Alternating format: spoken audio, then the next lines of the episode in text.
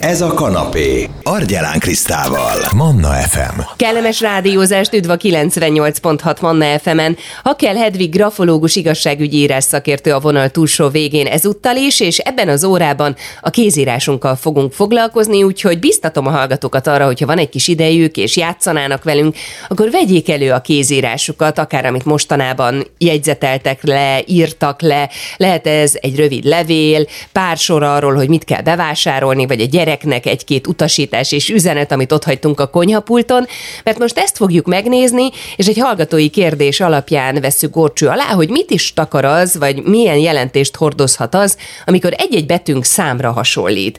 A levél pedig, ami érkezett hozzánk Liviától, Nagykátáról, hogy azok közül, akik látták a kézírásomat, már sokan megjegyezték, hogy úgy írom a Z betűmet, mintha egy kettes szám lenne, míg mások a B betűm hatos formáját emelték ki. Utal ez bármire a grafológiában?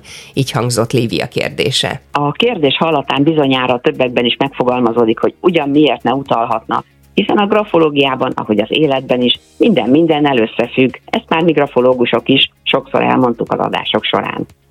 Egy grafológus feladata pedig a kézírások elemzése, azaz régi kifejezéssel élve a betűfejtés. Ez így is van, bár az említett jellemzők nem épp a hagyományos betűformákat testesítik meg. Ettől függetlenül nem esnek kívül a grafológusok kompetencia körén, mindössze egyetlen apró pontosítást kívánnak meg. Mi szerint a grafológus feladata a kézírás, ezen belül is az egyénivé váló betűk, illetve egyénivé váló kézírás elemzése.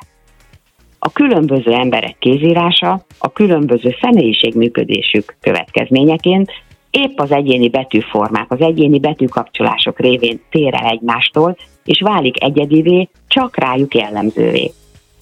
A kézírás elemzés lényegét, fősodrását az említett modulálódó, megváltozó betűformák vizsgálata adja.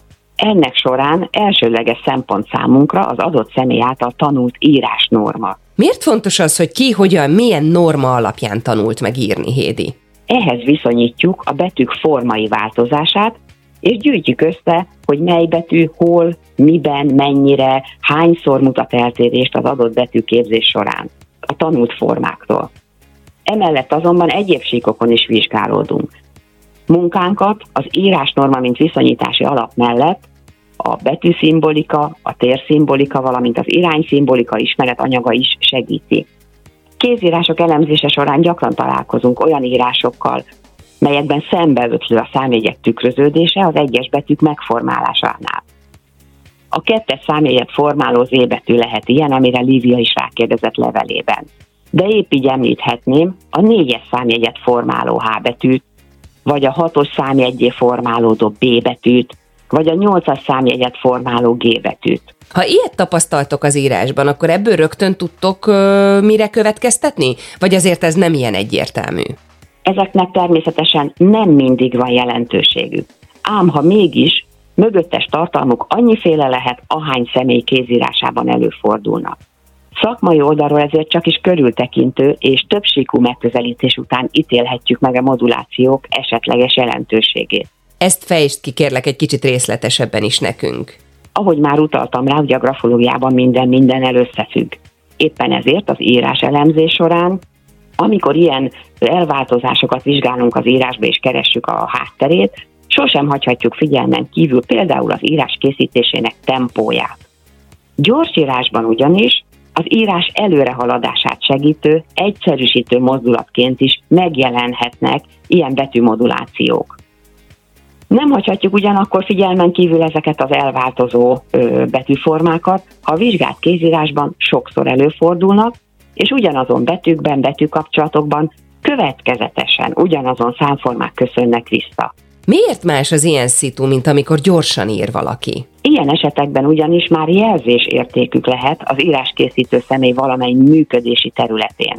De, és ez nagyon fontos, még az utóbbi esetben is ellenőriznünk kell például azt a lehetőséget, hogy a betűk számjegyekké formálódása mutat-e összefüggést az adott személy foglalkozásával, esetleg vágyott vagy valós pozíciójával. Erre hozol példát is, hogy mire gondolsz itt? Korábbi kutatások eredményei ilyen összefüggéseket mutattak ki például a pénzügyi területen vagy egyéb téren számokkal dolgozók kézírásában. Például a pénzügyi előadó, bérszámfejtő, matematika tanár, műszaki területen dolgozó, könyvelő, stb. Esetükben ez a fajta betűformaváltozás a foglalkozásuk velejárójaként értékelhető, és különösebb jelentés tartalommal, információ tartalommal nem bír. Kiknek az írásában jelenhetnek meg a számokra hasonlító betűk egyébként? vezető pozícióban, vagy más téren vezetőként, irányítóként dolgozók kézírásában is megjelenhetnek számszimbólumok.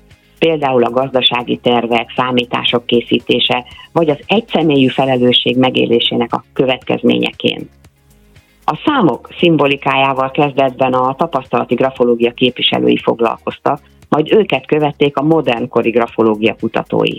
Ez utóbbiak eredményei sokszor igazolták elődei megfigyeléseit.